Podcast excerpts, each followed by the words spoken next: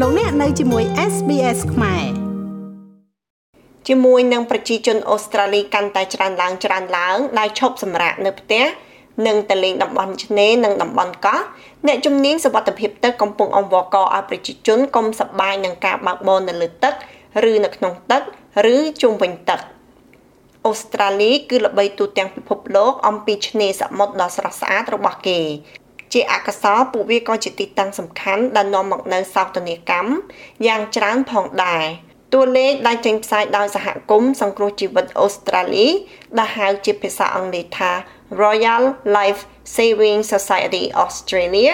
បង្ហាញថាក្នុងរយៈពេល12ខែចុងក្រោយនេះមនុស្ស294នាក់បានលង់ទឹកស្លាប់នៅក្នុងប្រទេសអូស្ត្រាលី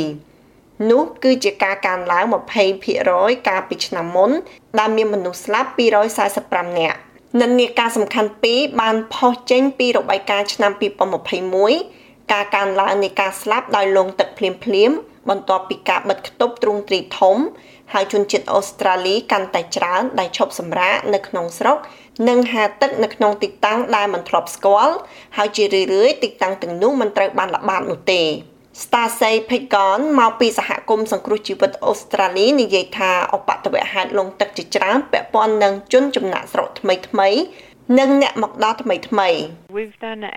យើងបានធ្វើការវិភាគរយៈពេល10ឆ្នាំចាប់ពីឆ្នាំ2009ដល់ឆ្នាំ2019ចំពោះប្រជាជនដែលកើតនៅបរទេសហើយទិន្នន័យបានបង្ហាញថា27%នៃការស្លាប់ដោយលង់ទឹកគឺជាប្រជាជនដែលកើតនៅក្រៅប្រទេស Stacey Picon និយាយថាមូលហេតុចម្បងដែលនាំឲ្យភាគរយខ្ពស់នៃអ្នកស្លាប់នេះគឺបណ្ដាលមកពីមិនយល់ដឹងអំពីគ្រោះថ្នាក់នៃឆ្នេរសមុទ្រនិងកង្វះជំនាញហាទឹកយើងដឹងថាមនុស្សដែលមកពីមជ្ឈដ្ឋានផ្សេងផ្សេងគ្នាដែលចូលចិត្តការកម្សាន្តនិងចូលចិត្តលេងទឹកមិនមែនជាទម្លាប់នោះទេមនុស្សជាច្រើនអាចមកពីប្រទេសដែលទឹកភាគច្រើនត្រូវបានគេប្រើប្រាស់សម្រាប់បម្រើការងារ ឬនៅក្នុងផ្ទះនិងប្រើប្រាស់នៅក្នុងកិច្ចការងារដទៃទៀតដូច្នេះនៅពេលដែលពួកគេមកដល់អូស្ត្រាលីក៏ចង់ប្រើប្រាស់របៀបនេះនៅក្នុងការរស់នៅប៉ុន្តែមិនដែលមានជំនាញឬពិសោធន៍ដើម្បីរក្សាសុវត្ថិភាពនៅជុំវិញទឹកនោះទេ ហើយមានកត្តាសំខាន់មួយទៀតដែលរួមចំណែកយ៉ាងខ្លាំងដល់ការលង់ទឹកយើងក៏ដឹងដែរថាគ្រឿងស្រវឹងដើរតួយ៉ាងសំខាន់ហើយវាគឺសម្រាប់មនុស្សមកពីគ្រប់មជ្ឈដ្ឋានដោយមិនគិតពីសាវតានោះទេ ជាអកុសលគ្រឿងស្រវឹងក៏ជាបញ្ហាដែលតកតងនឹងកំណើននៃការលង់ទឹកស្លាប់ផងដែរ Clinton Ross គឺជាអ្នកគ្រប់គ្រងសេវាកម្មឆ្នេរសម្រាប់ក្រុមប្រឹក្សាឆ្នេរសមុទ្រភាគខាងជើងដែលរួមមានឆ្នេរ Mali Surf ដ៏ល្បីល្បាញ លោកថាមានសារច្បាស់លាស់សម្រាប់គ្រប់គ្នាដែលមកលេងត្រូវធ្វើតាមដើម្បីហែលទឹកប្រកបដោយសុវត្ថិភាព Don't swim unless there's កុំហាត់ទឹកហួសកន្លែងគេដាក់ទង់ជាតិត្រូវប្រកាសថាអ្នកហាត់ទឹកនៅចន្លោះទង់ជាតិស្វែងរកព័ត៌មានមូលដ្ឋានសំខាន់សំខាន់ហើយរៀនហាត់ទឹកផងដែរសូមធ្វើឲ្យខ្លួនឯងរីករាយមកលេងឆ្នេរប៉ុន្តែត្រូវតែចេះហាត់ទឹកជាមុនសិនលោកស្រី Clinton Ross និយាយថាប្រសិនបើមានការសង្ស័យថាតើ វាមានសវត្ថភាពក្នុងការចូលទៅក្នុងទឹកឬយ៉ាងណានោះសូមសួរនាំទៅកាន់អ្នកសង្គ្រោះជីវិតនៅលើឆ្នេរមានគ្រោះថ្នាក់មួយចំនួនប៉ុន្តែអ្នកអាចធ្វើការស្រាវជ្រាវបានខ្លះមិនថាព័ត៌មាននៅលើអ៊ីនធឺណិតនិងសួរនាំទៅកាន់អ្នកសង្គ្រោះជីវិតនៅលើឆ្នេរពេលមកដល់យកព័ត៌មានមកមើលពីកន្លែងដែលគ្រោះថ្នាក់និងកន្លែងដែលអ្នកគួរទៅឬមិនគួរទៅអ្នកអាចនៅទីតាំងដែលល្អបំផុតដើម្បីរក្សាសុវត្ថិភាពរបស់ខ្លួនឯង Clinton Ross និយាយថា ការលង់ទឹកកើនឡើងយ៉ាងឆាប់រហ័សមនុស្សពេញវ័យអាចបាត់បង់ជីវិតក្នុងរយៈពេលប្រហែល1នាទីនោះហើយជាមូលហេតុដែលវាមានសារៈសំខាន់នៅក្នុងការហៅរោគជំនួយបន្ទាន់ First thing is រឿងដំបូងគឺកុំភ័យស្លន់ស្លោ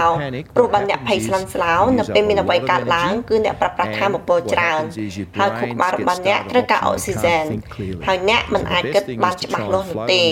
ដូច្នេះអ្វីដែលល្អបំផុតគឺព្យាយាមបណ្ដាច់ខ្នងរបស់អ្នកតាមដែលអាចធ្វើទៅបានហើយដាក់ដៃរបស់អ្នកទៅលើអាកាសហើយស្រែករោគជំនួយនៅពេលដែលអ្នកចាប់ផ្ដើមមានបញ្ហាកុំមានអារម្មណ៍ខ្មាស់អៀនត្រូវប្រកាសថាអ្នកសុំជំនួយទាន់ពេល កណាំសាយគឺជាស្ថាបនិកនៃសមាគមកីឡា ការអប់រំនិងវប្បធម៌អូស្ត្រាលីរបស់ឥណ្ឌាដែលបានជួយនិស្សិតបរទេសឲ្យរីករាយជាមួយនឹងបទពិសោធន៍របស់ពួកគេយ៉ាងពេញលេញនៅក្នុងប្រទេសអូស្ត្រាលីគាត់និយាយថាការជូនដំណឹងដល់អ្នកមកដល់ថ្មីអំពីវប្បធម៌ឆ្នេរតែមួយគត់របស់ប្រទេសអូស្ត្រាលី និងគ្រោះថ្នាក់នៃចរន្តទឹកនៅក្នុងទឹក គឺជាផ្នែកមួយដែលអង្គការក្រៅរដ្ឋាភិបាលមួយនេះបានធ្វើកណាំសាយនិយាយថាអ្នកមកដល់ថ្មី ធ្វើឲ្យខ្លួនមានគ្រោះថ្នាក់ព្រោះការប្រងើយកន្តើយ but it's not just ខ្ញុំមិនមែននិយាយតែរឿងហាទឹកទេអ្នកខ្លះទៅថត selfie ឬថតរូបខ្ញុំគិតថាកាលពីឆ្នាំមុនមានអបតវហេតុបានកាត់ឡើងដោយមានមនុស្សទៅថត selfie ហើយគាត់បានធ្លាក់ចូលទៅក្នុងទឹកជ្រៅហើយគាត់ក៏ស្លាប់សម្រាប់ជនចំណាក់ស្រុកថ្មីថ្មីទាំងអស់ដែលធ្វើដំណើរទៅកាន់ឆ្នេរគឺណាំសាយបានឲ្យដំបូងមានថា always uh, ចងចាំជានិច្ចនៅគោលការណ៍ជាមូលដ្ឋានដើម្បីរក្សាសុវត្ថិភាព នៅពេលដែលមានការសង្ស័យកុំចេញទៅក្រៅជាពិសេសនៅលើឆ្នេរច្បាប់ដូចគ្នានេះអនុវត្តចំពោះការស្ទូចត្រីពីលើផ្ទាំងថ្មដែលពេញនិយមដោយប្រជាពលរដ្ឋចំណាក់ស្រុកជាច្រើនការស្ទូចត្រីពីលើថ្មត្រូវបានគេដាក់ឈ្មោះថាជាកីឡាគ្រោះថ្នាក់បំផុតនៅក្នុងប្រទេសអូស្ត្រាលី ជារៀងរាល់ឆ្នាំជំនោរខ្យល់ស្ថានភាពរអិលនិងរលកបក់បក់កំពុងឆក់យកជីវិតមនុស្សដែលគ្មានបទពិសោធន៍ Stacy Pentagon និយាយថាវាមានសារៈសំខាន់នៅក្នុងការកាត់បន្ថយហានិភ័យនៃការលង់ទឹក So we do encourage យើងលើកទឹកចិត្តប្រជាជននិងណែនាំពួកគេឲ្យពាក់អាវពោងសុវត្ថិភាពគ្រប់ពេលដែលពួកគេទៅស្ទូចត្រីមិនថាចេញពីទូកឬទៅលើផ្ទាំងថ្មអ្នកមិនដឹងទេថាមនុស្សមួយចំនួនធ្លាក់ទឹកទាំងដែលពួកគេមិនចង់តទៅសោះដូច្នេះអាវពោងសុវត្ថិភាពអាចជួយការពារជីវិតអ្នកបាន ក្នុងនាមជាអ្នកសង្គ្រោះជីវិតស្ម័គ្រចិត្តម្នាក់ហាក់បីដូចជាការងារក្នុងក្តីសុបិនវាជាការរួមបញ្ចូលរវាងការងារនៅលើឆ្នេរដ៏ស្រស់ស្អាតបំផុតនានានៅលើពិភពលោក ជាមួយនឹងការជួយសង្គ្រោះជីវិតការងារនេះទាមទារការបណ្ដុះបណ្ដាលជាច្រើនប៉ុន្តែលោកស្រី Clinton Ross និយាយថាមានឱកាសជាច្រើនសម្រាប់អ្នកគ្រប់គ្នាពីគ្រប់មជ្ឈដ្ឋាន We have people យើង that មាន come ក្រុម from ការងារដែលមកពីអឺរ៉ុបមកពីអាមេរិកខាងត្បូងនាពេលបច្ចុប្បន្ននេះយើងមានសុភាពបរិសុទ្ធជនជាតិក្រិចដែលជាអ្នកការពារជីវិតដ៏ល្អម្នាក់សុភាពបរិសុទ្ធនេះបានធ្វើការងារសង្គ្រោះជីវិតដ៏អស្ចារ្យមួយចំនួន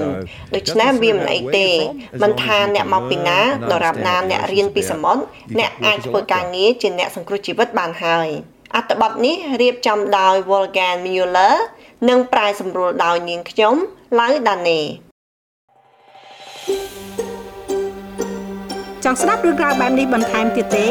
ស្ដាប់នៅលើ Apple Podcast Google Podcast Spotify ឬកម្មវិធីដទៃទៀតដែលលោកអ្នកមាន។